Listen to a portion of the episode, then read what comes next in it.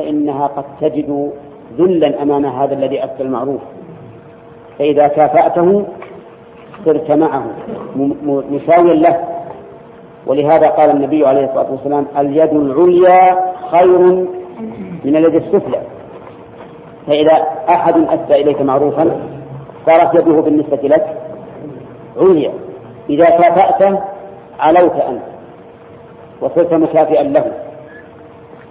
وفي المكافأة المعروف امتثال لأمر النبي صلى الله عليه وسلم.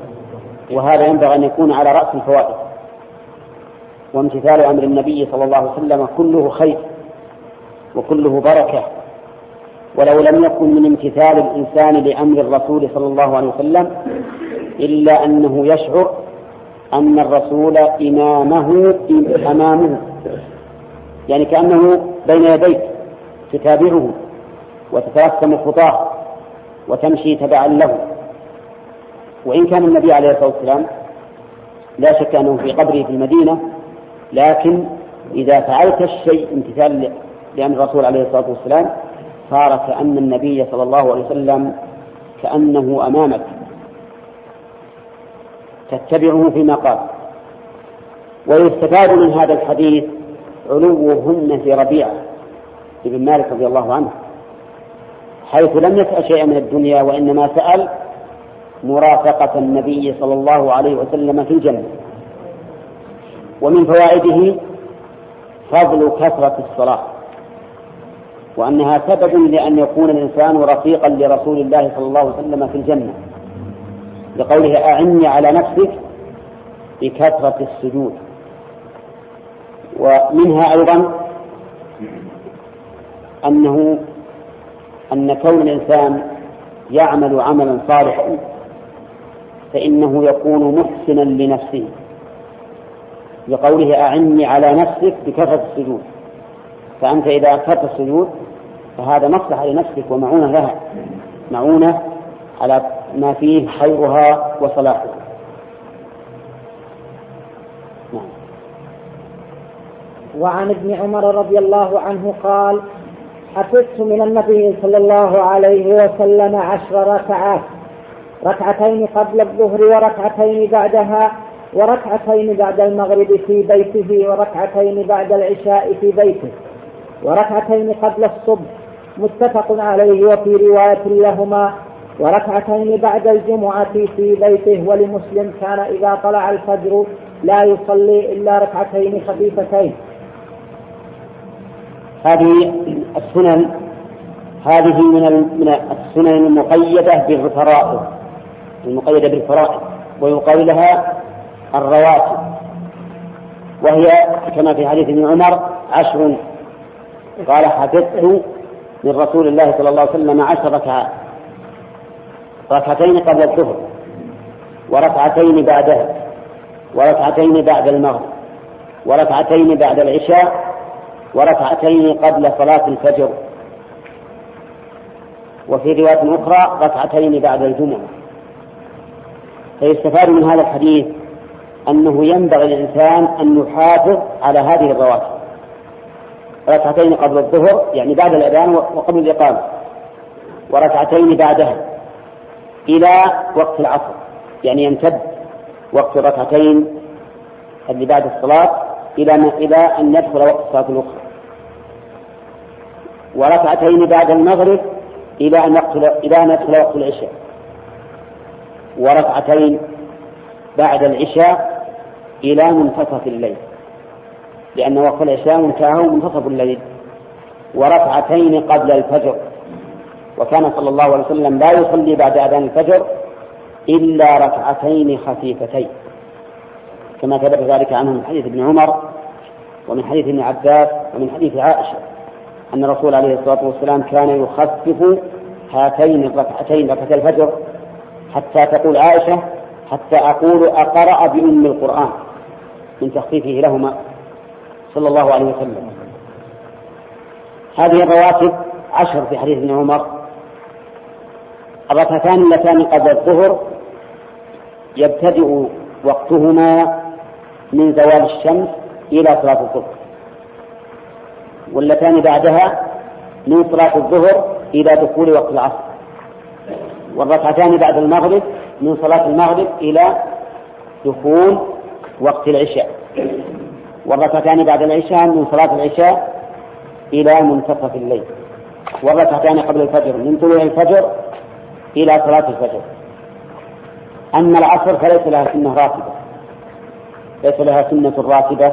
يداوم عليها الرسول عليه الصلاة والسلام. قال أهل العلم وإذا فاتتك الركعتان قبل الظهر فصليهما بعد الصلاة لأن فعلهما قبل الصلاة تعذر وهذا يقع دائما يأتي الإنسان إلى المسجد فيجدهم قد أقاموا الصلاة. ففي هذه الحال يقضيها بعد صلاة الظهر. لكن يقضي يعني لكن يصلي الراتبة التي بعد الظهر قبل الراتبة التي قبلها. مفهوم؟ إنسان جاء والناس يصلون الظهر. لم يتمكن من سنة الظهر. إذا صلى الظهر يصلي ركعتين بنية الراتبة البعدية البعدية. ثم بعد ذلك يقضي الراتبة القبلية. هكذا روي عن الرسول عليه الصلاة والسلام في حديث رواه ابن ماجه. صلاة الفجر إذا فاتته سنة الفجر قبل الصلاة يقضيها بعد الصلاة. أو إذا أخرها إلى أن ترتفع الشمس قدر الرمح كل هذا جائز. هذه الرواتب العشر أين تفعل؟ في المسجد أو في البيت. كان الرسول عليه الصلاة والسلام يفعلها في بيته. ففي حديث ابن عمر هنا صرح بأن المغرب والعشاء والفجر والجمعة كلها في البيت. وسكت عن الظهر ولكننا حسب ما نعرفه من هدي الرسول عليه الصلاة والسلام أنه كان يصلي الرواتب في بيته. حتى قال عليه الصلاة والسلام أفضل صلاة المرء في بيته إلا المكتوبة. وعلى هذا فالأفضل أن تصلي الرواتب في البيت قبل أن تأتي إلى المسجد. حتى لو كنت في مكة أو كنت في المدينة فالأفضل أن تصلي الرواتب في بيتك لا في المسجد الحرام ولا في المسجد النبوي. لأن الرسول عليه الصلاة والسلام كان يصلي هو في مسجده المسجد النبوي ومع ذلك يصلي النوافل في البيت. ويستفاد من هذا الحديث أن راتبة الفجر ينبغي أن تخفف. وتختص راتبة الفجر بأمور ثلاثة. الأول أنها أفضل الرواتب. حتى قال الرسول عليه الصلاة والسلام ركعة الفجر خير من الدنيا وما فيه ركعة الفجر خير من الدنيا وما فيه الثاني أنها تفعل راتبة الفجر حضرا وسفرا بخلاف راتبة المغرب والعشاء والظهر. فإن الإنسان إذا كان مسافرا لا يصلي الراتبة لهذه لهذه الصلوات الثلاث. أما راتبة أما الفجر فتفعل. الثالث أنها أن لها قراءة مخصوصة. يعني يقرأ فيها بشيء معين من القرآن. وهو قل يا أيها الكافرون في الركعة الأولى وقل هو الله أحد في الركعة الثانية. أو في الركعة الأولى قولوا آمنا بالله وما أنزل إلينا وما أنزل إلى إبراهيم وإسماعيل وإسحاق ويعقوب والأسباط وما أوتي موسى وعيسى وما أوتي النبيون من ربهم لا نفرق بين أحد منهم ونحن له مسلمون. هذه الآية في سورة البقرة ولا في سورة آل عمران؟ ها؟ البقرة وش الفرق بينه وبين آل عمران؟ هذه قولوا وآل عمران قل وهذه إلينا وفي آل عمران علينا وهذه وما أوتي النبيون ولي والنبيون من ربهم ثلاث فروق بين الآيات بين الآيتين في الركعة الثانية يقرأ قل يا أهل الكتاب تعالوا إلى كلمة سواء بيننا وبينكم ألا نعبد إلا الله ولا نشرك به شيئا ولا يتخذ بعضنا بعضا أربابا من دون الله فإن تولوا فقولوا اشهدوا بأننا مسلمون. يعني هل هو مخير؟ إن شاء قرأ قل يا أيها الكافرون وقل والله أحد دائما أو قولوا آمنا بالله وقل يا الكتاب دائما أو الأفضل أن يفعل هذا مرة وهذا مرة؟ نقول الأفضل أن يفعل هذا مرة وهذا مرة. لأن كليهما ثبت عن الرسول عليه الصلاة والسلام. لكن إذا كان لا يحفظ الآيتين من سورة البقرة وآل عمران فليقرأ قل يا أيها الكافرون وقل هو الله أحد. فإن قرأ غيرهما صحت الصلاة؟ صحت. وإن لم يقرأ شيئا مع الفاتحة صحت الصلاة أيضا. تصح الصلاة. لأنه ما هنا سورة معينة في القرآن تجب قراءتها إلا الفاتحة لقول النبي عليه الصلاة والسلام لا صلاة لمن لم يقرأ بأم القرآن. شيخ. نعم. في بعض الناس ذكر انه في حديث عن الرسول صلى الله عليه وسلم إنه هو أول خلق الله. فهل هذا الحديث صحيح؟ وإن كان صحيح لا. يقول إن الرسول عليه الصلاة والسلام أول خلق الله هذا غير صحيح. النبي عليه الصلاة والسلام هو أول خلق الله. الذي يقول إنه أول خلق الله فقد كذب القرآن. النبي عليه الصلاة والسلام محمد من بني آدم. وآدم ليس أول خلق الله. كيف يصير ابنه؟ قبله. هذا ما يمكن. الذي يدعي ذلك نقول إنك تب إلى الله عز وجل من هذا. فإن هذا تكذيب للقرآن. شيخ قولك في حديث طبيعه بكثرة السجود. نعم. ممكن يعني يحتاج يعني يكون دليل على أن الإنسان كثرة السجود يعني كثرة الركعات أحسن من تطويلها هذه فيها خلاف بين أهل العلم. هل الأفضل أن يطيل الإنسان القراءة أو الأفضل أن يقصر القراءة ويطيل الركوع والسجود أو يقصر القراءة ويكثر الركوع والسجود يعني يخفف عشان يكثر فعندنا ثلاثة أشياء. طول القراءة وكيفية الركوع والسجود وكثرة الركوع والسجود والصحيح كما قال الشيخ الإسلام ابن تيمية رحمه الله أنه ينبغي إذا أطال القيام أن يطيل الركوع والسجود. لتكون الآية لتكون الصلاة متناسبة. فإن هذا هو هدي النبي عليه الصلاة والسلام. لكن في بعض الأحيان قد يجد الإنسان من قلبه ومن نفسه أنه بكثرة القراءة يكون أخشى وأحضر لقلبه. فربما نفضل هذا وإن كان مفضولا من أجل ما يحصل للإنسان من خشوع في القلب وبكاء عند قراءة القرآن وما أشبه ذلك. وقد يكون الأمر بالعكس. قد يمل كثرة القراءة؟ ويكون سجوده وركوعه أعظم. بقلب أخشى له. فالمهم أنه ينظر ما هو أصلح لقلبه ولكن إن تساوى فلا شك أنه كما قال شيخ الإسلام ابن تيمية أنه ينبغي أن تكون الصلاة متناسبة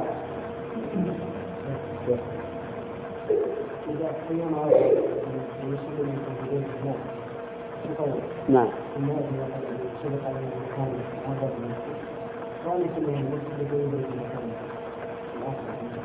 لا الأفضل أن يصلي في بيته ويأتي المسجد. أي نعم وين فاتح اللهم إلا. لو مثلا يكون في يوم الجمعة الرسول ندب إلى السبت. مع أن يوم الجمعة ما لا راتب قبلها. فندب إلى السبت ولا شك اللي يجي. يقول لا تزال ما تصلي عليه ما دام في مصلاه.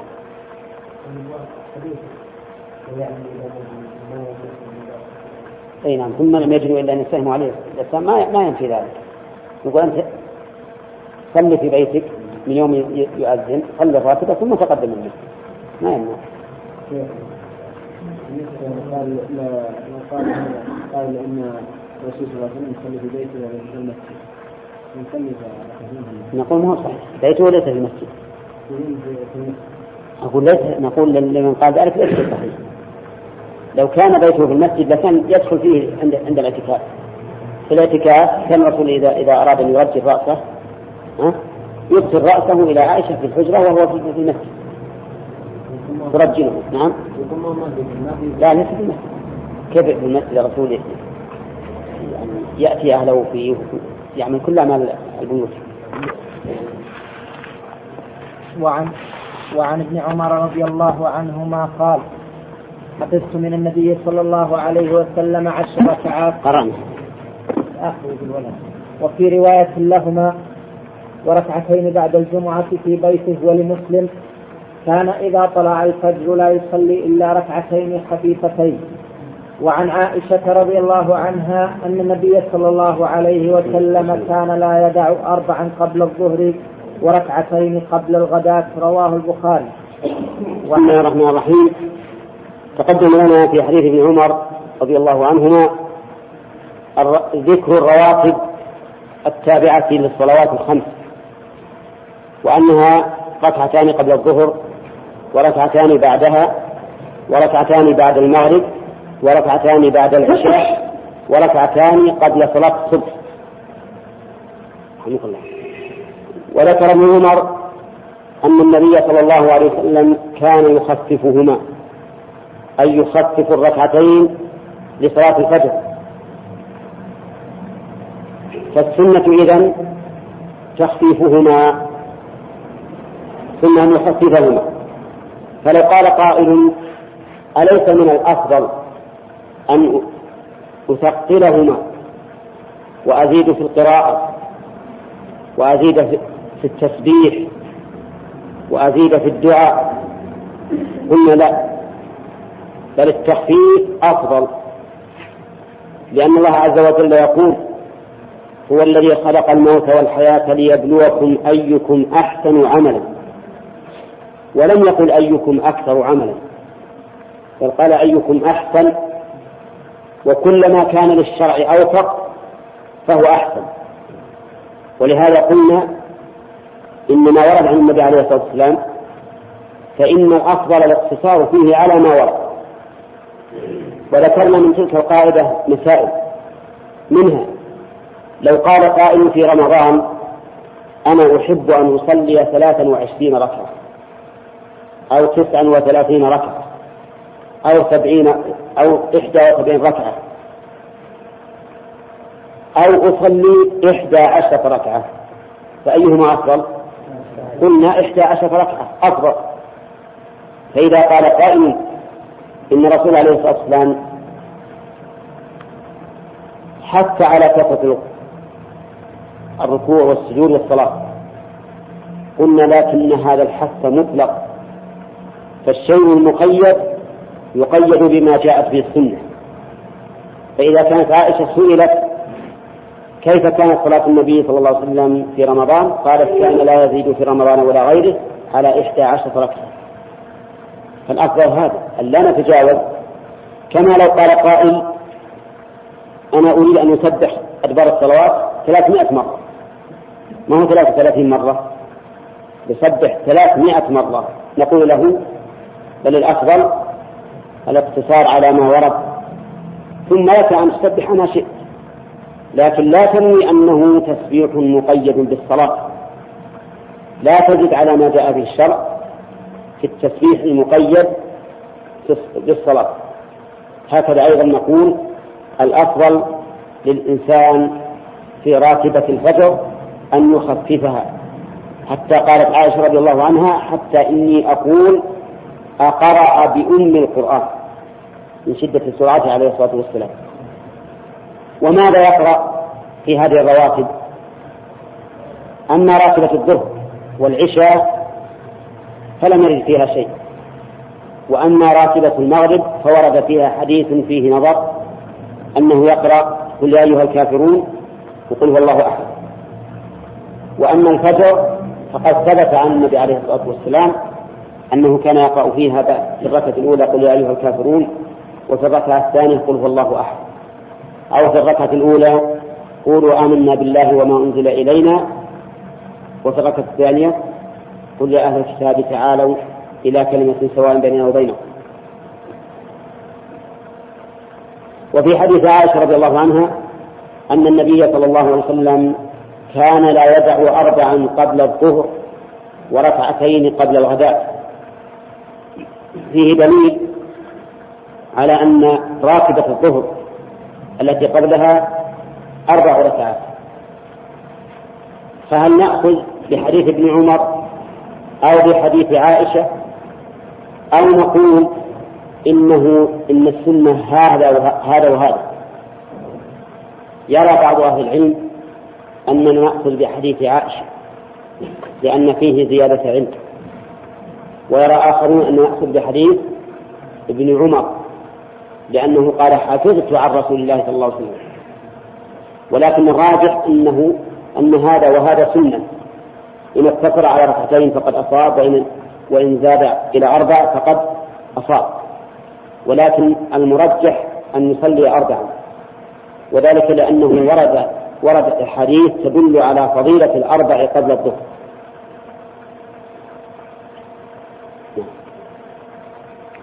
وعن عائشة رضي الله عنها قالت لم يكن النبي صلى الله عليه وسلم على شيء من النوافل أشد تعاهدا منه على ركعتي الفجر. متفق عليه ولمسلم ركعتا الفجر خير من الدنيا وما فيها. هذا حديث أيضا حديث عائشة تقول لم يكن على شيء من النوافل أشد تعاهدا منه على ركعتي الفجر. والمراد بالنوافل النوافل التابعة للصلوات. فلم يكن الرسول عليه الصلاة والسلام يتعاهد شيئا منها أكثر من تعاهده لركعتي الفجر. ولهذا كان لا يدعهما حضرا ولا سفرا. وليس شيء من الرواتب يصليه النبي عليه الصلاة والسلام إلا راتبة الفجر فقط. وانتبه لقولي من الرواتب. احتراز من إيش؟ من بقية النوافل. فإن بقية النوافل كان الرسول عليه الصلاة والسلام يصليها. لكن الرواتب لا يصلى منها إلا راتبة الفجر. وش بقي من الرواتب؟ بقي من الرواتب راتبة الظهر لا. راتبة الظهر وراتبة المغرب وراتبة العشاء. هذه اللي ما تصلى. وأما الوتر فليس من الرواتب لأن الرواتب هي السنن التابعة للصلوات الخمس. والوتر ليس منه. ولهذا نقول إن المسافر يصلي الوتر ويقوم الليل ويصلي الضحى ويصلي الاستخارة ويصلي تحية المسجد ويتنفل تنفلا مطلق مطلقا. كل النوافل ما مشروعة في حقه باقية على مشروعيته. أما الرواتب وهي النوافل التابعة للصلاة المكتوبة فلا يصلي إلا راتبة الفجر. فإنه لا يدع حضرا ولا سفرا. وفي صحيح مسلم ركعة الفجر خير من الدنيا وما فيها. ركعة الفجر. كيف ركعة الفجر بالفتح؟ مع أنه مبتدأ. مثنى بالألف. لكن تسقط الألف لأن لأن اللي بعدها همزة وصف. وقد قال ابن مالك إن ساكنان التقيا اكسر ما سبق وإن يكن لينا فحادثه استحق. وهذا لين ألف فيحدث ولا حاجة إلى أن تتوقف وتقول ركعتا الفجر ما حاجة. بل تقول ركعة الفجر خير من الدنيا وما فيها. وهذا نظير قوله تعالى ولقد آتينا داود وسليمان علما وقال الحمد لله الذي فضلنا على كثير من عباده المؤمنين ما نتوقف نقول وقال الحمد لله ليس هناك داعي بل نقول وقال الحمد لله الذي فضلنا على كثير من عباده المؤمنين لأن الألف تسقط عند التقائها بهمزة الوصف. وهنا ركعة الفجر خير من الدنيا وما فيها. من الدنيا وما فيها. أي دنيا هي؟ دنيا وقتك. لا. دنيا بلدك. لا. دنيا الدنيا كلها. في كل زمان ومكان. ركعتين خير من الدنيا كلها. والخيرية هنا ظاهرة لأن ثواب هاتين الركعتين باق والدنيا كلها زائلة. كل الدنيا وبما فيها زائلة كل من عليها فان ويبقى وجه ربك ذو الجلال والإكرام. تصور الدنيا من مضى من الملوك والعلماء والتجار وغيرهم. ماذا كانوا بعد أن ذهبوا؟ كانوا كما كانوا قبل أن يولدوا. قبل أن يولدوا يقول الله عز وجل في الإنسان هل أتى على الإنسان حين من الدهر؟ لم يكن شيئا مذكورا. ثم ذكر بعد ولادته. وإذا مات صار خبرا من الأخبار. بين يرى الإنسان فيها مخبرا حتى يرى خبرا من الأخبار. كان يتحدث بالناس ولكن الآن صار الناس يتحدثون به. فركعة الفجر خير من الدنيا وما فيها. الله أكبر. لو ذكر للواحد أنه يوجد في بلد بعيد يوجد قصر كله إذا جاء الإنسان إليها فإننا نعطيها إياه مجانا جزاء له على سفره الطويل. يذهب الناس إليه ولا لا؟ ها؟ يذهب الناس إليه. يذهب إليه ناس كثير. مع التعب الشديد مع أنها ربما تنهدم قبل أن يموت أو يموت ويدع لكن ركعة الفجر خير من الدنيا وما فيها. فضل عظيم. ولولا أن الحديث ثابت عن الرسول عليه الصلاة والسلام لقال القائل كيف يكون هذا هذا الفضل العظيم بهذا العمل القليل؟ ولكن الحديث ثابت عن النبي عليه الصلاة والسلام. ركعة الفجر خير من الدنيا وما فيها وهذا يدل على تأكدها وأنه لا ينبغي للإنسان أن يدع ركعتي الفجر يحافظ عليهم فإن قال إنسان إذا جئت والإمام قد أقام الصلاة هل أصليهما؟ أنا أنا أعلم علم اليقين أنني سأدرك الإمام قبل أن يركع لأني أعرف من عادة الإنسان من عادة هذا الإمام أنه يقرأ ويطيل القراءة فسأتمكن من صلاة الراتبة ثم أدخل معه. فما الجواب؟ نقول لا يصليها. لا يصليها. ولو صلاها فهي باطلة مع إثمه. يأثم وتبطل الصلاة. الدليل قول الرسول عليه الصلاة والسلام إذا أقيمت الصلاة فلا صلاة إلا المكتوبة. إذا أقيمت الصلاة فلا صلاة إلا المكتوبة ولا نافي هذا. والنفي هنا بمعنى النهي بمعنى النهي وهو نفي للصحة.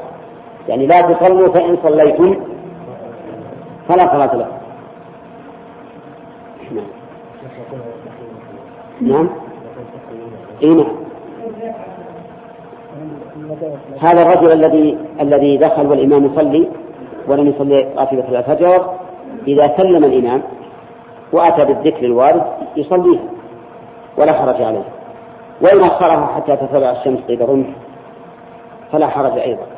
لكن كثير من الناس يقول إنني لو تركتها لنسيتها أو لتهاونت بها وثقلت علي. فإذا كان الإنسان يخشى من هذا فالأفضل أن يصليها بعد الصلاة. ما جاء وقت السؤال. ما جاء وقت السؤال. وعن أم حبيبة أم المؤمنين رضي الله عنها قالت سمعت رسول الله صلى الله عليه وسلم يقول من صلى اثنتي عشرة ركعة في يومه وليلته بني له بهن بيت في الجنة. رواه مسلم وفي رواية تطوعا. وللترمذي نحوه وزاد أربعا قبل الظهر وركعتين بعدها وركعتين بعد المغرب وركعتين بعد العشاء وركعتين قبل صلاة الفجر. هذا الحديث يؤيد ما سبق من حديث عائشة رضي الله عنها مع حديث ابن عمر. أن النبي عليه الصلاة والسلام يقول من صلى ثنتي عشرة ركعة تطوعا بني له بيت أو قصر في الجنة. وفسرها فسرها حديث رواية الترمذي. أربع قبل الظهر وركعتان بعدها وركعتان بعد المغرب وركعتان بعد العشاء وركعتان قبل صلاة الصبح. هذه اثنتا عشرة ركعة. إذا صلاها الإنسان بنى الله له قصرا في الجنة. قصرا في الجنة دائم أبدي سرمدي أربع قبل الظهر بسلام واحد أو بسلامين. بسلامين. لأن هذا المطلق يحمل على المقيد في قول الرسول عليه الصلاة والسلام صلاة الليل والنهار مثنى مثنى. فالأصل أن صلاة الليل والنهار مثنى مثنى التطوع. ولا يستثنى من ذلك إلا الوتر في بعض صفاته. إذا أوتر بثلاث فله أن يسردها جميعا بسلام واحد وتشهد واحد.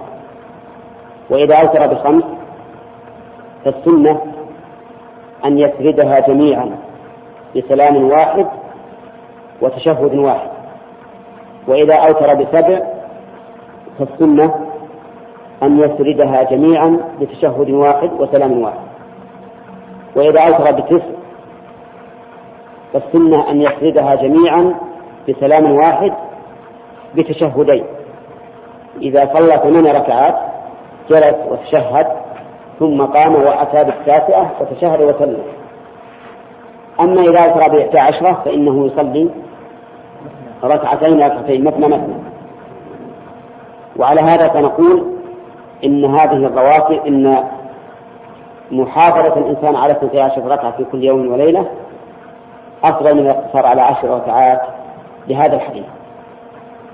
نعم. مثل هذا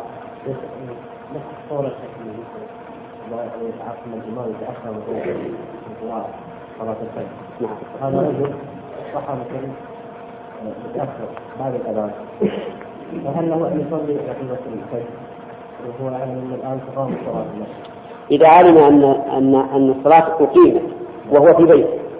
فإنه لا يصلي ركعة الفجر. ركعتين الفجر لا. لعموم إذا أقيمت الصلاة صلاة صلاة إلا المكتوبة مع قوله عليه الصلاة والسلام إذا سمعتم الإقامة فامشوا إلى الصلاة وعليكم السكينة والوقار ولا لا تفسدوا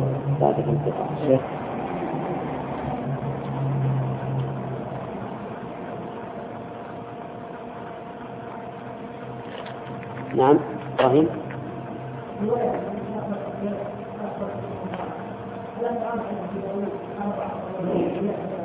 نعم.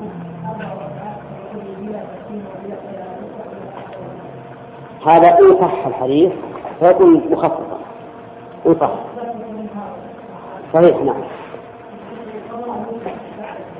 ها؟ إيش؟ قضاء الوتر بعد طلوع الفجر لا يجوز.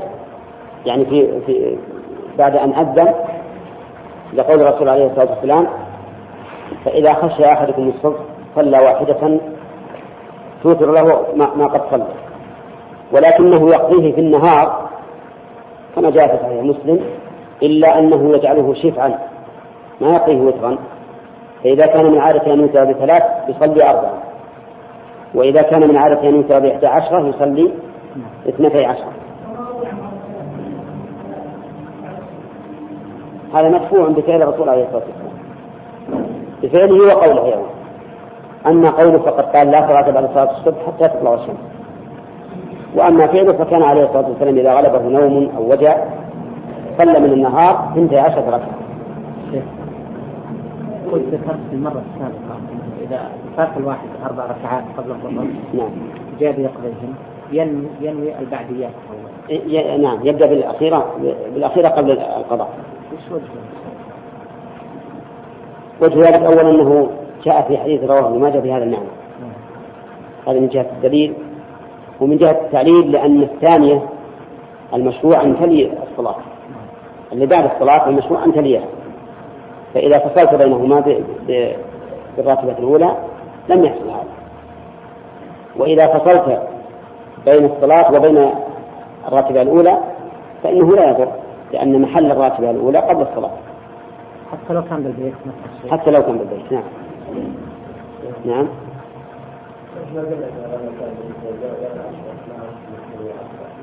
كيف؟ نعم لم نقل ذلك لحديث من حبيبه الذي رواه مسلم. لو لو لم يجئ لو لم يجئ حديث أم حبيبة لكان التنويع أفضل كما قلت. لكن لما جاء حديث أم حبيبة صار يدل على أن الأولى أن تصلي 12 ركعة. إيه. نعم. نعم.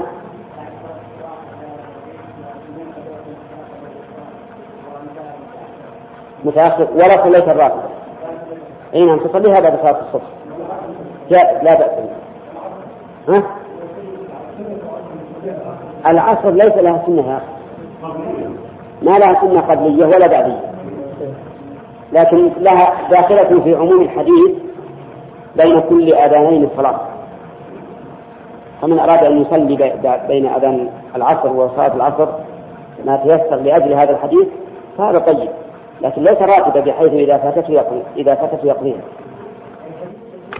نعم. وللخمسة عن أم حبيبة رضي الله عنها من حافظ على أربع قبل الظهر وأربع بعدها حرمه الله تعالى على النار وعن ابن عمر رضي الله عنهما قال قال رسول الله صلى الله عليه وسلم رحم الله امرأ صلى أربعا قبل العصر رواه أحمد وأبو داود والترمذي وحسنه ابن وحسنه وابن خزيمة وصححه.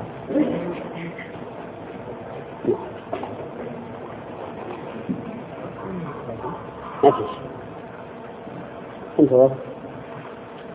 نعم. وعن وعن عبد الله بن مغفل المزني رضي الله عنه قال قال رسول الله صلى الله عليه وسلم صلوا قبل المغرب صلوا قبل المغرب. ثم قال في الثالثة لمن شاء كراهية أن يتخذها الناس سنة. رواه البخاري وفي رواية لابن حبان أن النبي صلى الله عليه وسلم صلى قبل المغرب ركعتين ولمسلم عن ابن عباس رضي الله عنهما قال كنا نصلي ركعتين بعد غروب الشمس وكان النبي صلى الله عليه وسلم يرانا فلم يأمرنا ولم ينهنا. وعن عائشة رضي الله عنها قالت كان النبي صلى الله عليه وسلم بسم الله الرحمن الرحيم. هذه الأحاديث فيها بيان شيء من السنن ولكنها ليست برواتب أربع قبل الظهر وأربع بعدها. ويمكن أن يراد بالأربع التي قبل الظهر الأربع الرواتب. ويمكن أن يكون مراد أربع غير الرواتب الأربع. وأما أربع بعدها فتدخل فيها الراتبة التي بعد الظهر وهي ركعتان. فإذا حافظ الإنسان على أربع قبل الظهر وأربع بعدها حرمه الله على النار. كما هو مقتضى هذا الحديث وفي إسناده ما فيه. وأما الثاني فهو أربع قبل العصر. رحم الله امرأ صلى قبل العصر أربعا.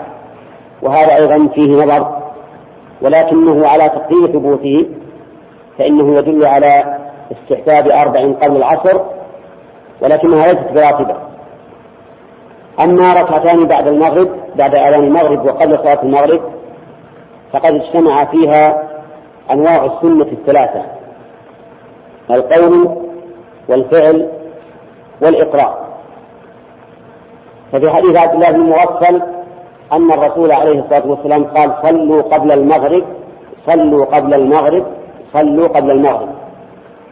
وقال في الثالثة لمن شاء كراهية أن يتخذها الناس سنة. ومعنى سنة أي طريقة ثابتة راتبة.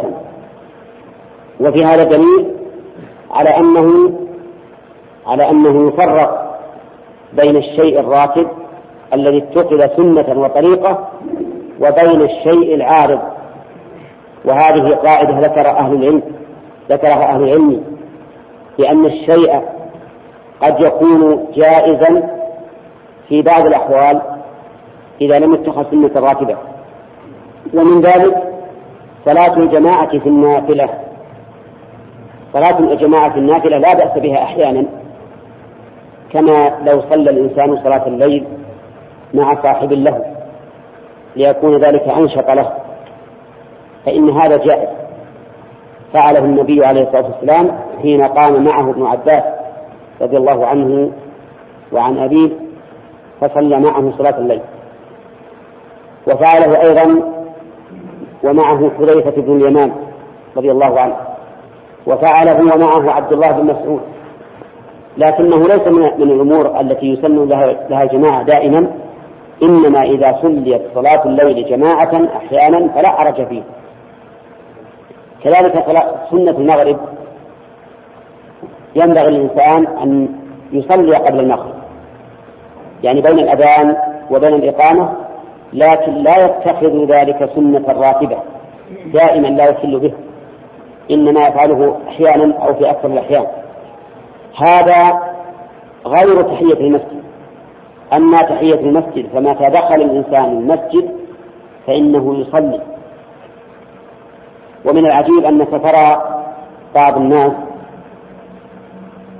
يأتي إلى المسجد بعد أذان المغرب ويجلس ولا يصلي. وهذا خطأ. هذا خلاف السنة. خلاف السنة التي قال فيها الرسول عليه الصلاة والسلام إذا دخل أحدكم المسجد فلا يجلس حتى يصلي ركعتين. وخلاف السنة التي قال فيها الرسول عليه الصلاة والسلام صلوا قبل المغرب. وثبت ذلك من فعله أنه كان يصلي قبل المغرب ركعتين. وثبت ذلك من إقراره أن الصحابة كانوا يصلون قبل المغرب والنبي عليه الصلاة والسلام يراهم فلم يمنعهم من ذلك.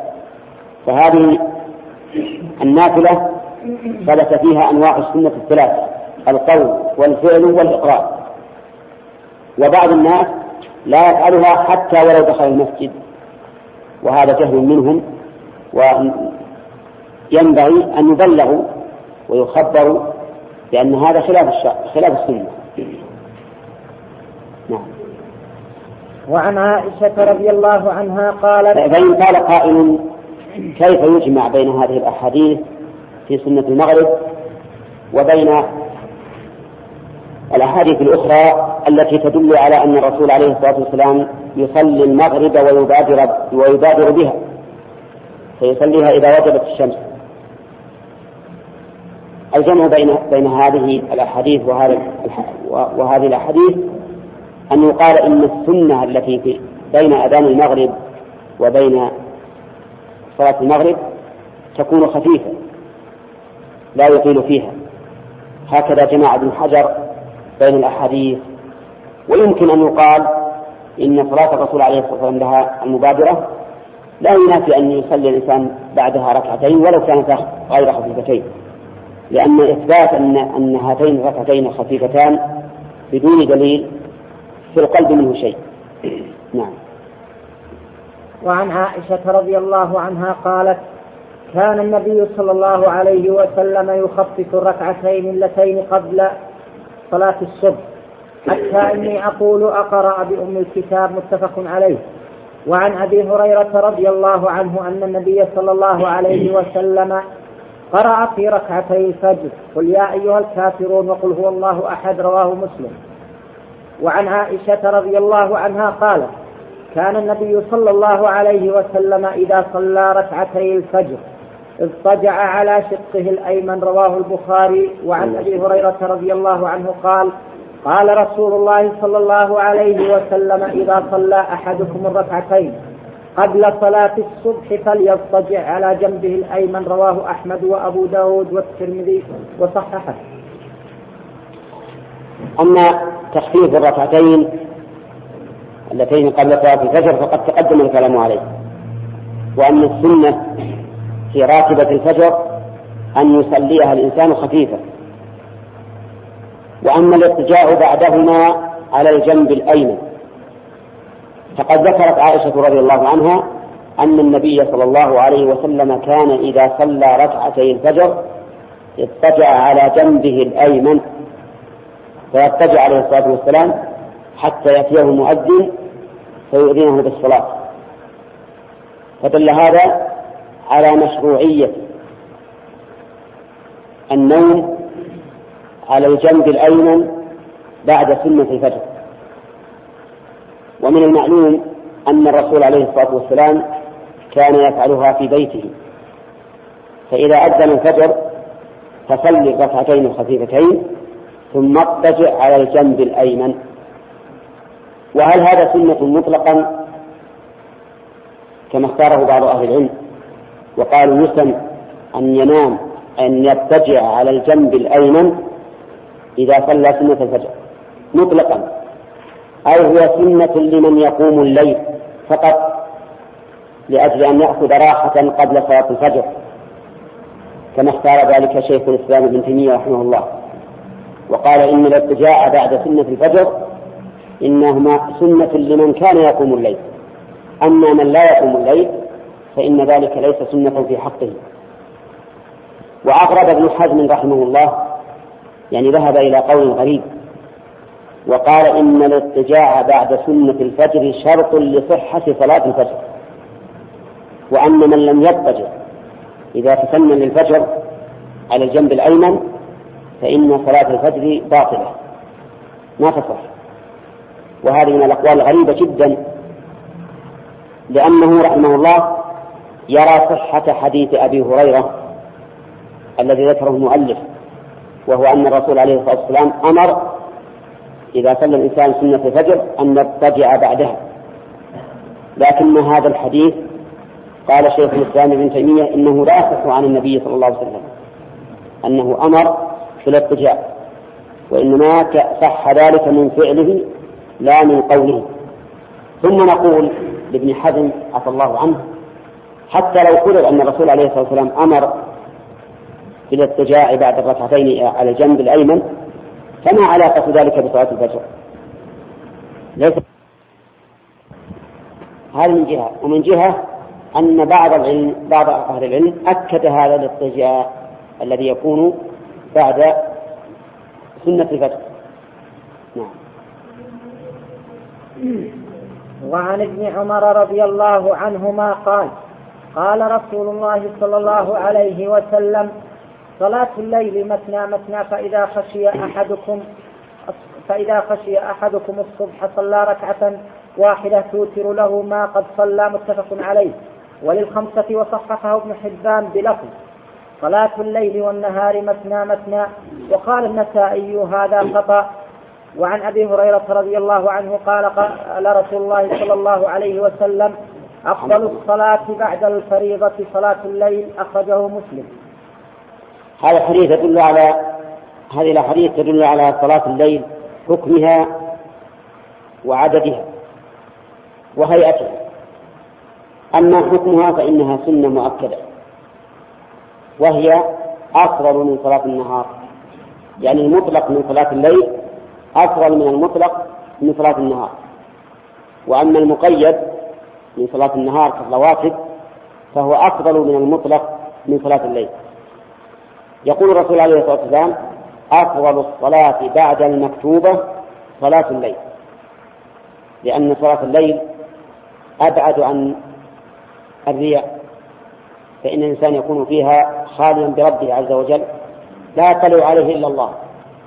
وصلاة الليل أشد وطئا كما قال الله عز وجل. يعني يتواطأ عليها القلب واللسان والجوارح. فهي أخشى من صلاة النهار. ولأن صلاة الليل تدل على الرغبة الأكيدة في في فعل العبادة. لأن الإنسان يدع فراشه ويدع راحته ويقوم إلى الصلاة. فهي أدل على حرص الإنسان على عبادة ربه تبارك وتعالى.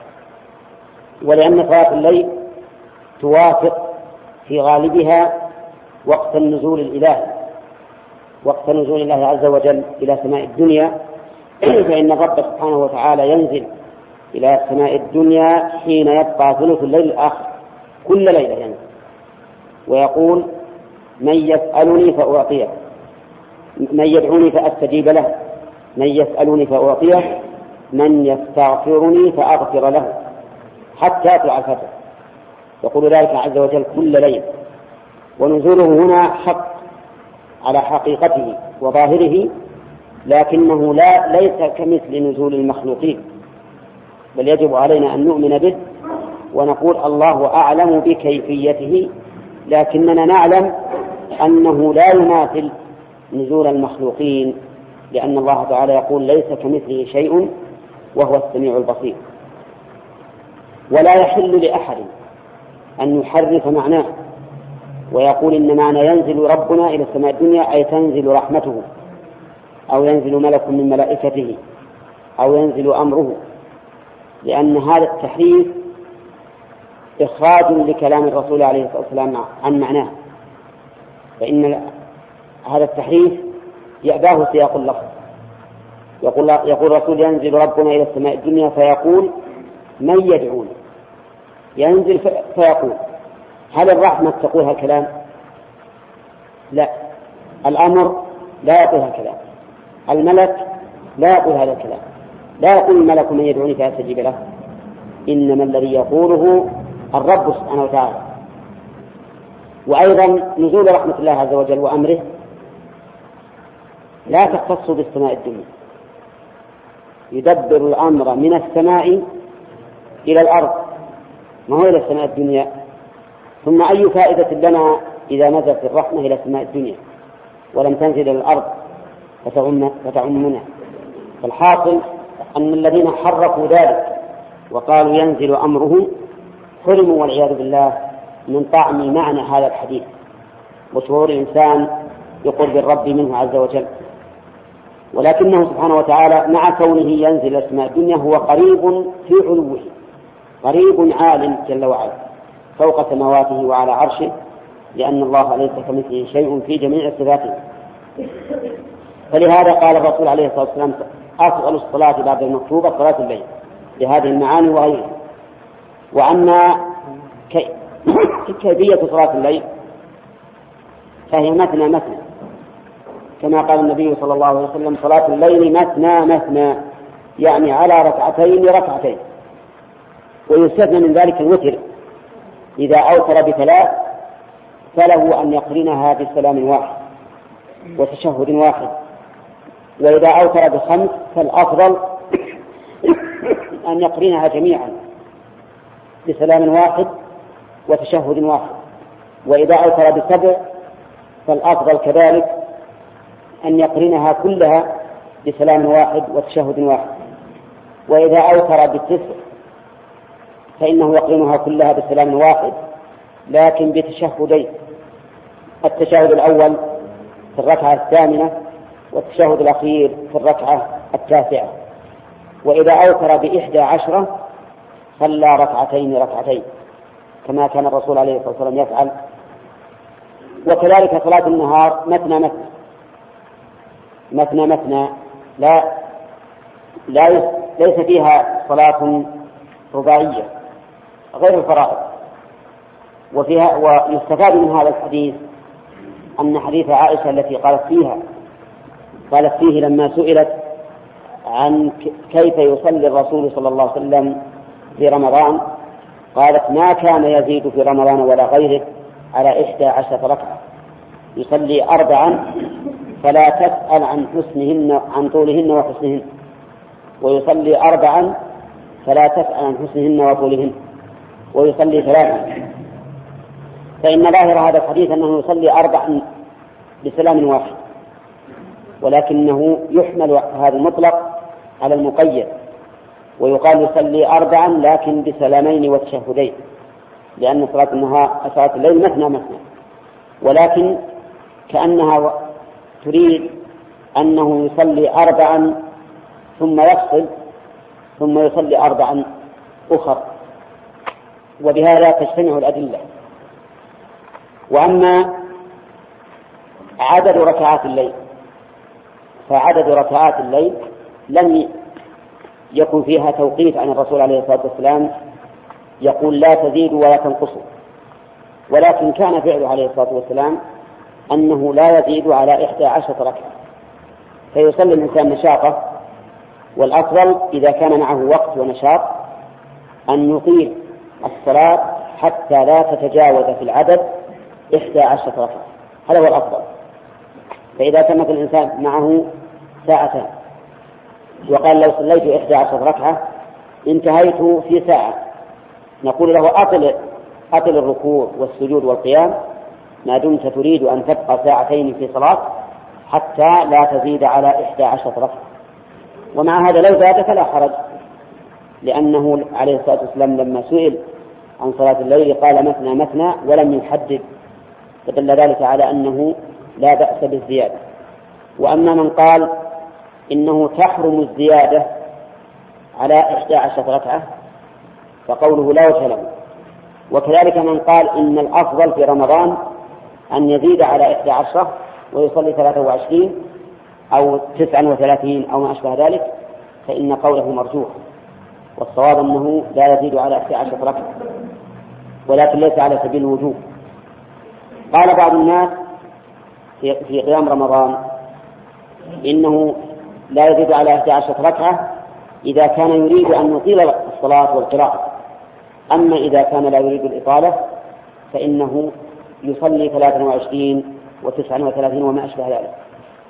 ولكن هذا ليس له وجه لأننا نقول أنت إذا خففت الصلاة وزدت العدد خالفت فعل الرسول عليه الصلاة والسلام من وجهين من جهة التخفيف ومن جهة زيادة الركعات.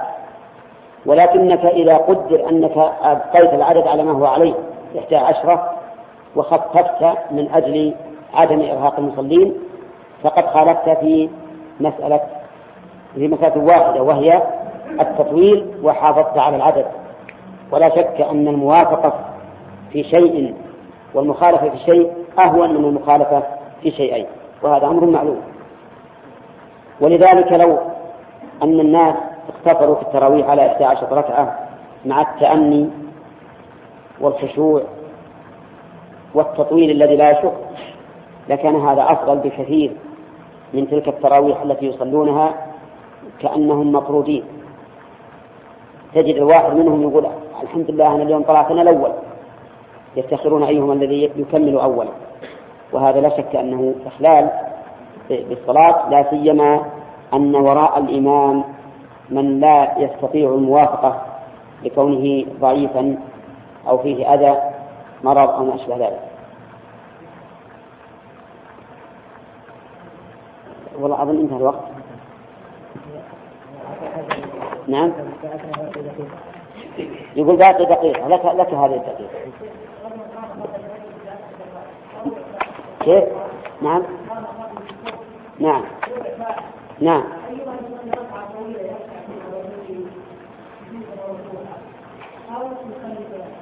والله الأفضل أولا يصلي ركعتين خفيفتين إذا تمكن. أما إذا خشي الفجر فكما قال الرسول صلى الله عليه وسلم يصلي واحدة.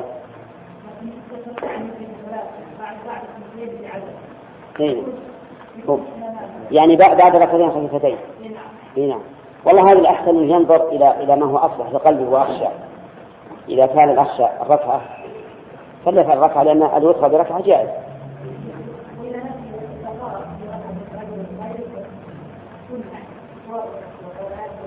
نعم. أي نعم. نسيانا. نسيانا. ناسيا. نعم. الظاهر من جيدها. تعارف عندنا أمران الآن. المحافظة على السورة المعينة وعلى التخفيف. وعلى التخفيف. فالظاهر أنه يراعي التخفيف. ونقول سقطت عنك السورة المعينة النسيان وما دام انت ما دام نسيانا ومن عدلك لا الأخلاق لأنه لا وجه لصرفها. الحمد لله رب العالمين والصلاة والسلام على أشرف الأنبياء والمرسلين. قال رحمه الله تعالى وعن وعن أبي أيوب الأنصاري رضي الله عنه. نعم نعم.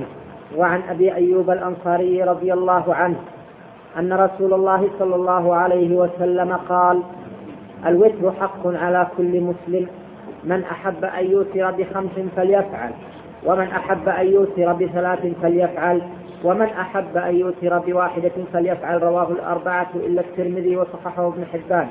ورجح النسائي وقفه.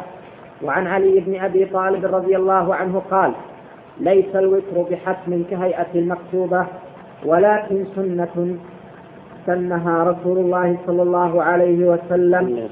رواه الترمذي والنسائي وحسنه الحاكم وحسنه والحاكم وصححه. بسم الله الرحمن الرحيم. الحمد لله رب العالمين. والصلاة والسلام على نبينا محمد وعلى آله وأصحابه أجمعين. نحن الآن في صلاة التطوع.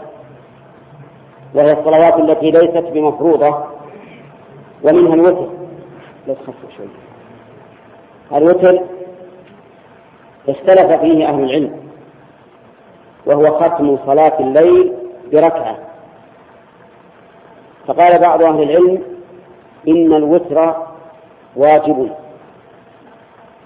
لقول النبي صلى الله عليه وسلم الوتر حق فمن لم يوتر فليس منا. وقال بعض العلماء إنه ليس بواجب لأن الله تعالى إنما فرض خمس صلوات فقط. وقد سئل الرسول عليه الصلاة والسلام هل علينا غيرها؟ فقال لا. قال للسائل لا إلا أن تتطوع وقال بعض أهل العلم من كان له ورد من الليل وصلاة من الليل فإنه يجب عليه الوتر. ومن لا فلا. واختار شيخ الإسلام هذا القول. وقال إن الوتر واجب على من له ورد من الليل يصلي فإنه يجب عليه أن يوتر. واستدل بقول النبي عليه الصلاة والسلام اجعلوا آخر صلاتكم بالليل وترا. وهذا أمر. وبقوله أوتروا يا أهل القرآن. وأهل القرآن كانوا يتهجدون في الليل ويقرؤون القرآن. لكن جمهور أهل العلم على أن الوتر سنة وليس بواجب مطلقا وأن الأوامر الواردة فيه تحمل على الاستحباب. وما ذكر فيه أنه حق فإنه يحمل على التأكيد لأن النصوص الأخرى صريحة بأنه لا يجب إلا خمس صلوات فقط. وقد قال الله عز وجل في ليلة المعراج بعد مراجعة النبي صلى الله عليه وسلم له حتى صارت الصلوات خمسا قال قد أمضيت فريضتي وخففت عن عبادي. فقوله أمضيت فريضتي يدل على أن هذا هو الذي فرضه الله على عباده فقط. ولكن الوتر سنة مؤكدة جدا. لا ينبغي للإنسان تركه. حتى قال الإمام أحمد من ترك الوتر فهو رجل سوء لا ينبغي أن تقبل له شهادة. فقال لا ينبغي. وكلام أحمد رحمه الله إذا قال لا ينبغي يدل على أنه أمر مؤكد. ما تقبل له شهادة.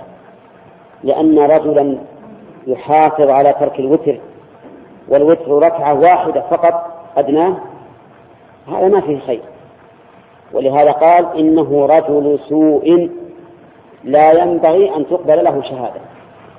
وعليه فينبغي للإنسان أن يوتر وأن يرشد أهله أيضا إلى الوتر لأن كثيرا من النساء في البيوت والأولاد الذين لم يقرأوا يظنون أن الوتر ليس بواجب قصدي ليس بمؤكد. فينبغي أن نبلغ أهلنا في أن الوتر سنة مؤكدة لا ينبغي للإنسان أن يدعه.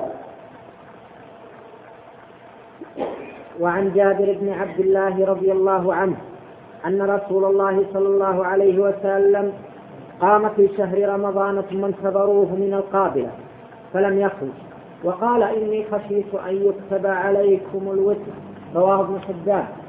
وعن خارجة بن وعن خارجة بن حذافة قال قال رسول الله صلى الله عليه وسلم المشهور في هذا الحديث أن الرسول عليه الصلاة والسلام قام بهم ثم تأخر وقال إني خشيت أن تفرض عليكم. يعني قيام الليل في رمضان. تأخر النبي عليه الصلاة والسلام لما صلى ثلاث ليال. وقال إني خشيت أن يفرض عليكم القيام. فإذا قال قائل كيف يخشى أن يفرض القيام؟ وقد قال الله عز وجل أمضيت فريضتي وخففت عن عبادي. قلنا لأنه ربما إذا ألزم الناس أنفسهم بأمر أن يلزمهم الله به كما ألزم بني إسرائيل الرهبانية التي ابتدعوها. ولم يفرضها الله عليهم لكن لما ابتدعوها لأنفسهم ألزموا بها. نعم. وعن خارجة بن حذافة قال قال رسول الله صلى الله عليه وسلم إن الله أمدكم بصلاة هي خير لكم من حمر النعم. قلنا وما هي يا رسول الله؟ قال الوتر ما بين صلاة العشاء إلى طلوع الفجر. رواه الخمسة إلا النسائي وصححه الحاكم. وروى أحمد عن عمرو بن شعيب عن أبيه عن جده نحوه.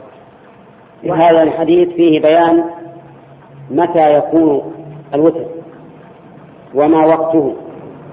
بين النبي صلى الله عليه وسلم في هذا الحديث أنه ما بين صلاة العشاء إلى طلوع الفجر. وقول ما بين صلاة العشاء يعني وسنتها وقيام الليل إذا أراد أن يقوم لقوله اجعلوا آخر صلاتكم بالليل وترا. لكن لو أن الإنسان لم يرد أن يصلي راتبة العشاء وأوتر بعد صلاة الفريضة فالوتر صحيح لأن وقته يدخل من بعد صلاة العشاء.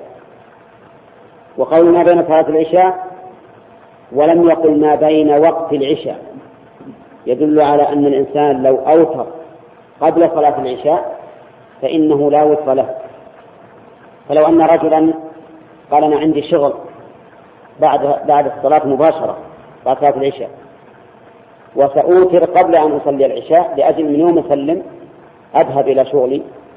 قلنا له إن الوتر هذا لا يصح لأن الوتر لا يكون إلا من بعد صلاة العشاء إلى طلوع الفجر. وعلم من ذلك أنه إذا طلع الفجر انتهى وقت الوتر. فمن لم يستيقظ إلا بعد طلوع الفجر فإنه لا يوتر بين طلوع الفجر وصلاة الفجر لأنه انتهى الوقت.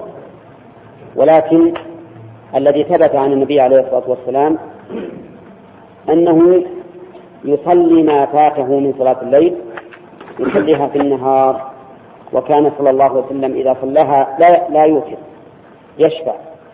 فيصلي إذا غلبه نوم أو وجع ولم يقم بالليل يصلي من النهار ثنتي عشرة ركعة. نعم. وعن عبد الله بن نعم.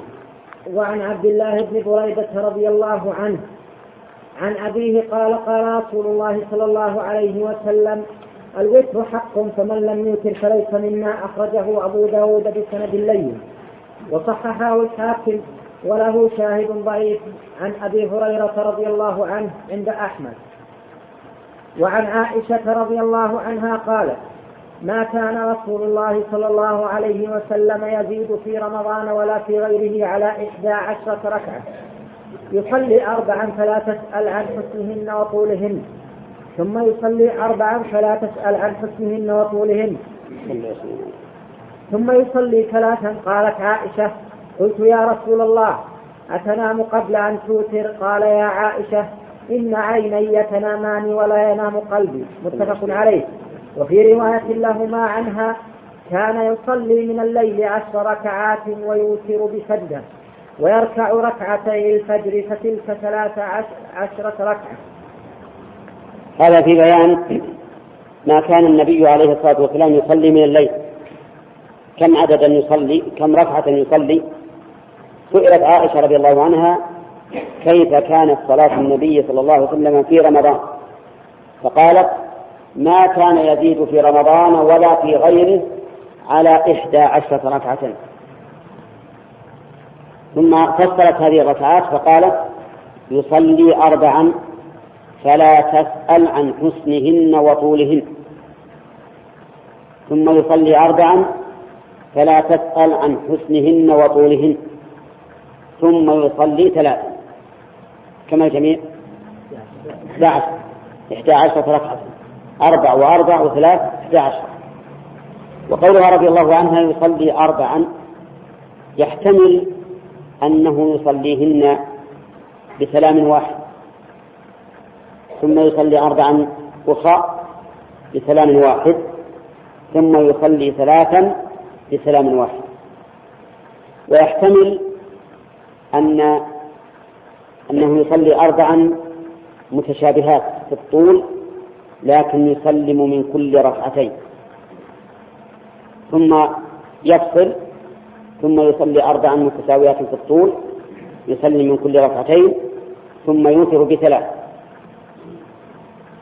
أما الاحتمال الأول فإنه يؤيده ظاهر اللفظ. وأما الاحتمال الثاني فإنه يؤيده قول النبي صلى الله عليه وسلم صلاة الليل مثنى مثنى. وكذلك حديث ابن عباس رضي الله عنهما أن الرسول عليه الصلاة والسلام قام يصلي من الليل فصلى ركعتين ثم ركعتين ثم ركعتين ثم ركعتين ثم ركعتين ثم ركعتين ثم أوتر. فهذا يسلم من كل ركعتين.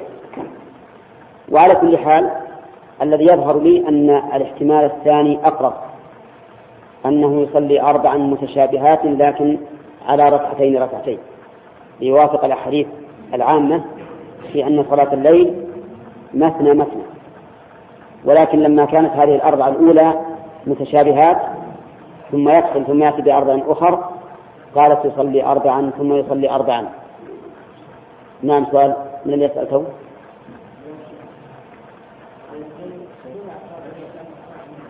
نعم. نعم. إذا جمعت صلاة العشاء مع صلاة المغرب دخل وقت الوتر. وهذا يفيده قوله ما بين صلاة العشاء إلى طلوع الفجر. نعم. في واحد يسأل. وين من الإسهار؟ هذا اللي وراء؟ نعم. ها؟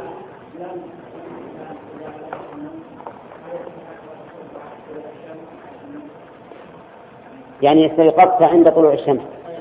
تصلي نعم. متى استيقظت؟ فصلي. أي أي وقت كان؟ لقول الرسول عليه الصلاة والسلام من نام عن صلاة أو نسيها فليصليها إذا ذكرها. أي نعم. شيخ النساء إذا دخلنا المحلات ويكشفن وجوههن فإذا مسحنا بتصوير الوجه فيتعرض لك صاحب المحل ويقول لك أن هذا المحل ليس محلك. أنهم لسنا مسلمات ويقول أن أن أن نحن أنت لا تعلمنا ديننا ووضع دينك في جيبك وليس هذا الدين الذي امرك به. به؟ يعني هذا هذا هو دين ضع دينك في جيبك ولست انت تعلمنا ديننا. إيه. ويحتاج انهم ليسوا مسلمات يكون محله ليس محل نعم. إذا دخلت امرأة إلى المحل أولا الذي أعرف أنها ممنوعة من الدخول إلى المحل. نعم. السؤال يقول فيه نساء يدخلن إلى المحلات التجارية كاشفات الوجوه. نعم. وأن صاحب المحل أو الوكيل على المحل إذا أمرهن بتغطية الوجه قال له الطماع صاحب المحل اللي يريد الدنيا ولا تهمه الآخرة والعياذ بالله. قال له ما أعرف منه. هذول كافرات خليهم يفتشن وخل دينك بجيبك. هذه المشكلة. هذه الخطيرة جدا. نعم. نقول لهذا إنك قد أصبت. نقول للذي قال لهن غطن الوجوه هو الذي أصاب. والذي أعرف أن أن المرأة ممنوعة من دخول المحلات. ما أدري هذا اختل نسمع على كل حال إذا دخلت كاشفة الوجه فأمرها بأن تستر وجهها. فإن لم تفعل فأخرجها. وقوله إنها إنها كافرة وليست بمسلمة. نقول والكافرة يجب عليها أن تحترم شعور المسلمين وأن تحترم ما يقتضيه دين الإسلام. فلا تجاهر بما يخالف دين الإسلام. وهذا أمر معروف حتى في الأنظمة عندنا أن المرأة غير المسلمة ممنوعة من أن تلبس من الثياب ما يخالف زي المسلمات. نعم. وإذا قال له خل الدين في جيبك نعم أنا بخلي ديني بقلبي ولكن لساني لا بد أن ينطق بالحق. وأنصحه أيضا لعله يتوب إلى الله عز وجل لأنه إن مات على هذا هذه الحال وهو كاره لهذا الدين ويقول إن هذا دين اجعله في جيبك فهو على خطر عظيم. يعني يخشى والعياذ بالله أن يجعل الله في قلبه نفاقا إلى يوم يلقاه. كل إنسان يكره ما أنزل الله على رسوله أو ما تقتضيه الشريعة هو على خطر عظيم. نسأل الله العافية. نعم.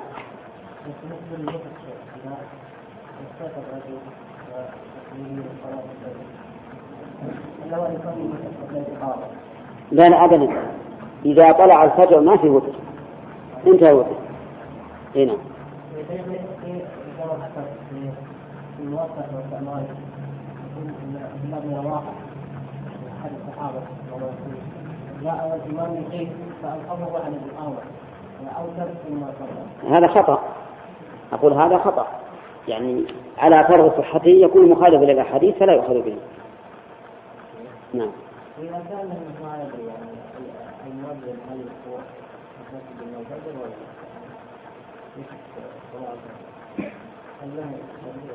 هذا يرجع إلى إلى إلى ثقة المؤذن.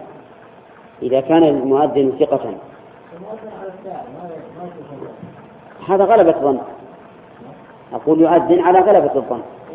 يكفي؟ غلبة الظن كافية. إلا إذا عرفت أنه متقدم مثل عندك ساعة مضبوطة تعرف أن الوقت ما دخل. وإلا في الأصل أننا نأخذ بأقوال المؤذنين. ولو كان على غلبة الظن.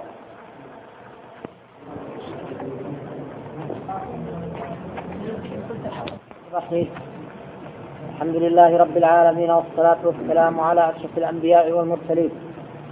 قال رحمه الله تعالى وعن عائشة رضي الله عنها قالت ما كان رسول الله صلى الله عليه وسلم يزيد في رمضان ولا في غيره على إحدى عشرة ركعة. يصلي أربعا فلا تسأل عن حسنهن وطولهن ثم يصلي أربعا فلا تسأل عن حسنهن وطولهن ثم يصلي ثلاثا قالت عائشة قلت يا رسول الله أتنام قبل أن توتر؟ قال يا عائشة إن عيني تنامان ولا ينام قلبي. متفق عليه وفي رواية لهما عنها. كان يصلي من الليل عشر ركعات ويوتر بسجدة ويرفع ركعتي الفجر فتلك ثلاث عشرة ركعة. بسم الله الرحمن الرحيم. قدم الكلام على أول أو تقدم أول الكلام على هذا الحديث. فإن عائشة رضي الله عنها سئلت كيف يكون كيف كانت صلاة النبي صلى الله عليه وسلم في رمضان؟ فأخبرت بأنه ما كان يزيد في رمضان ولا غيره على إحدى عشرة ركعة. فدل هذا على أن الأفضل للإنسان في صلاة الليل أن لا يزيد على إحدى عشرة ركعة.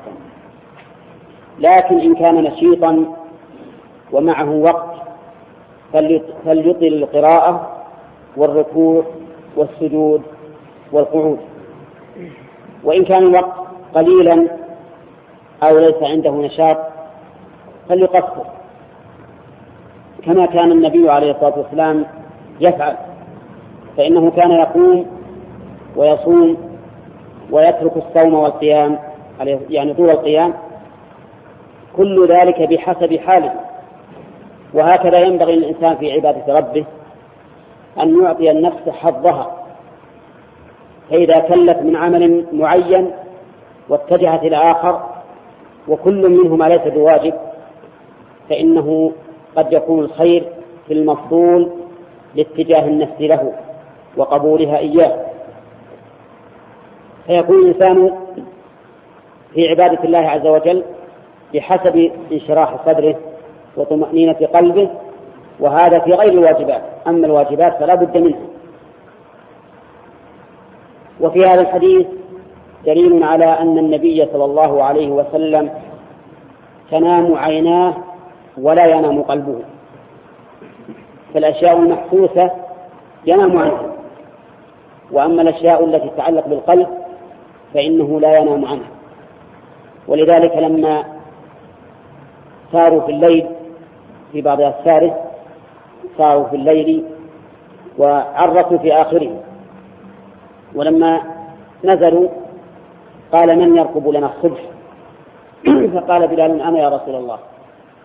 ولكنهم ناموا جميعا حتى طلعت الشمس. فلم يعلم النبي عليه الصلاة والسلام بطلوع الفجر. لأن عينه تنام. وطلوع الفجر أمر حسي يدرك بالرؤية. وأما الأمر الذي يتعلق بالقلب والعقل فإن الرسول صلى الله عليه وسلم لا ينام عنه.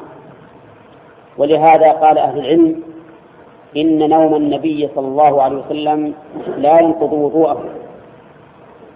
وقالوا إن الرسول عليه الصلاة والسلام لا يحتلم لأن الحلم من الشيطان. ولأن الاحتلام لا يكون إلا إذا نام القلب. أما مع يقظة القلب فالاحتلام لا يكون. وهذا كله داخل في قوله عليه الصلاة والسلام إن عيناي تنامان ولا ينام قلبي. فما يدرك بالقلب فالرسول عليه الصلاة والسلام لا ينام عنه. وما يدرك بالعين وبالحس فإن الرسول عليه الصلاة والسلام كغيره من الناس ينام عنه. نعم. وعنها رضي الله عنها قالت كان رسول الله صلى الله عليه وسلم يصلي من الليل ثلاث عشر ثلاث عشرة ركعة. يوتر من ذلك بخمس لا يجلس في شيء إلا في آخرها إلا في آخرها.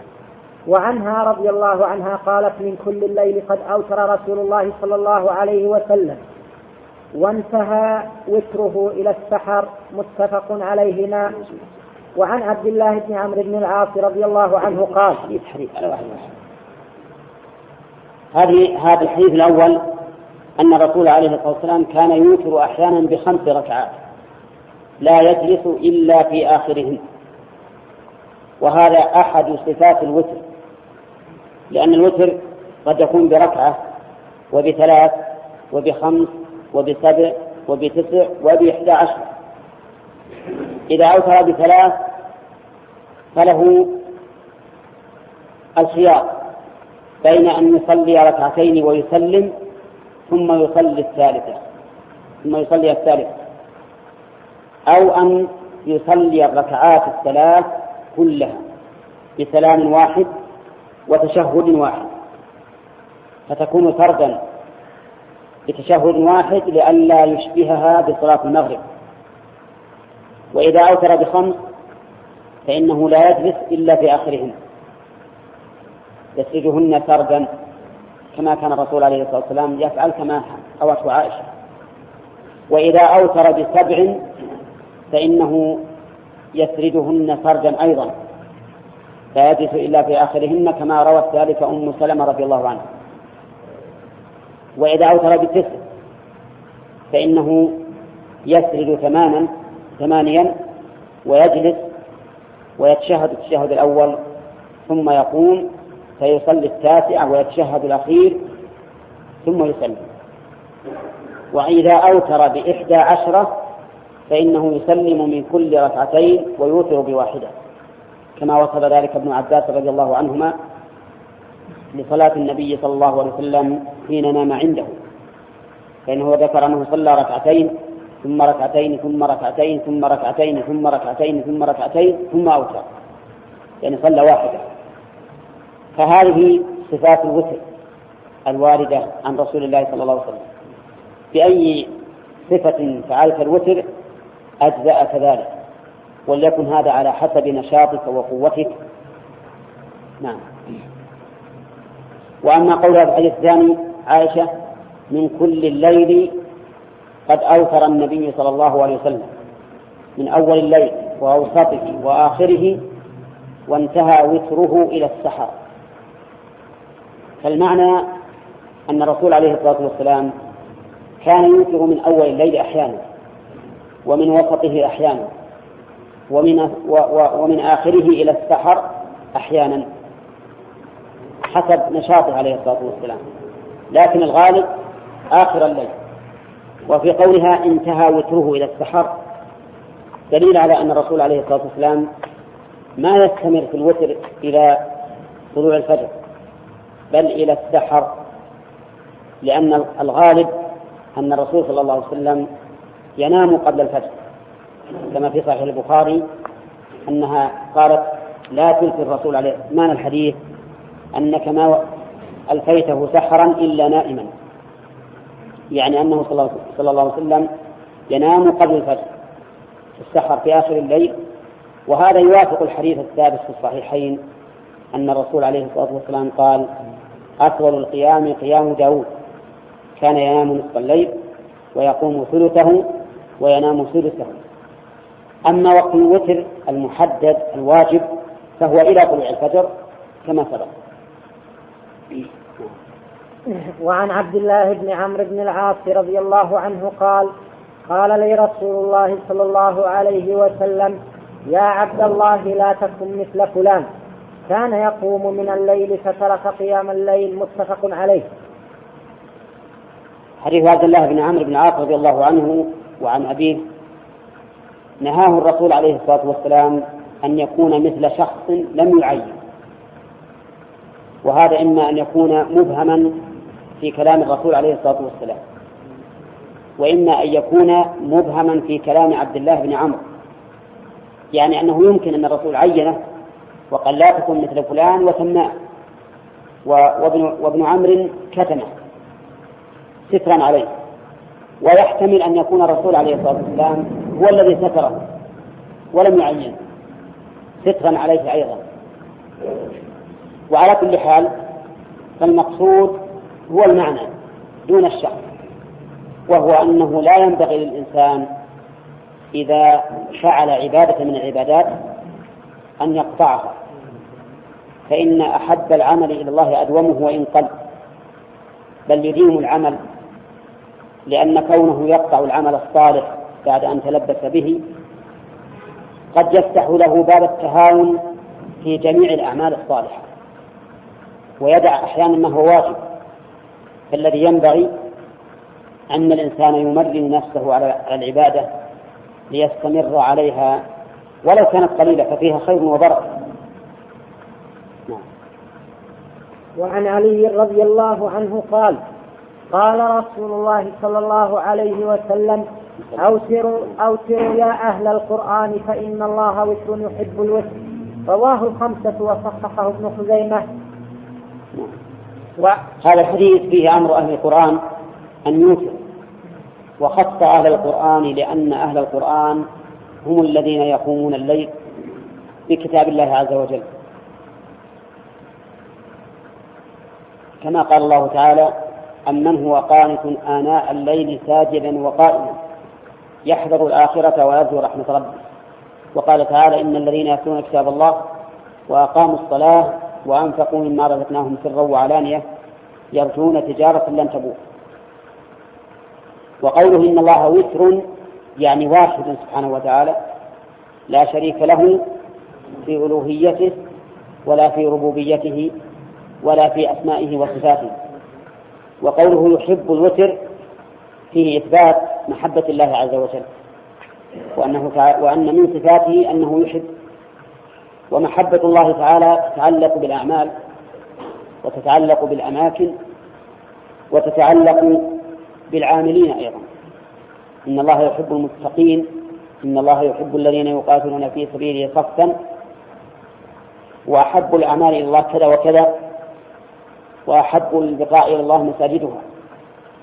فمحبة الله ثابتة حقا وقوله يحب الوتر ليس معنى ذلك. أن الإنسان يوتر في كل شيء ولكن المعنى أنه عز وجل يحب الوتر فيشرع ما شاء على وتر ويخلق ما شاء على وتر. السماوات سبع والأراضون سبع والصلوات خمس وتختم بالوتر صلاة الليل وصلاة النهار. وليس المعنى أن الإنسان يتقصد الإيثار في كل شيء.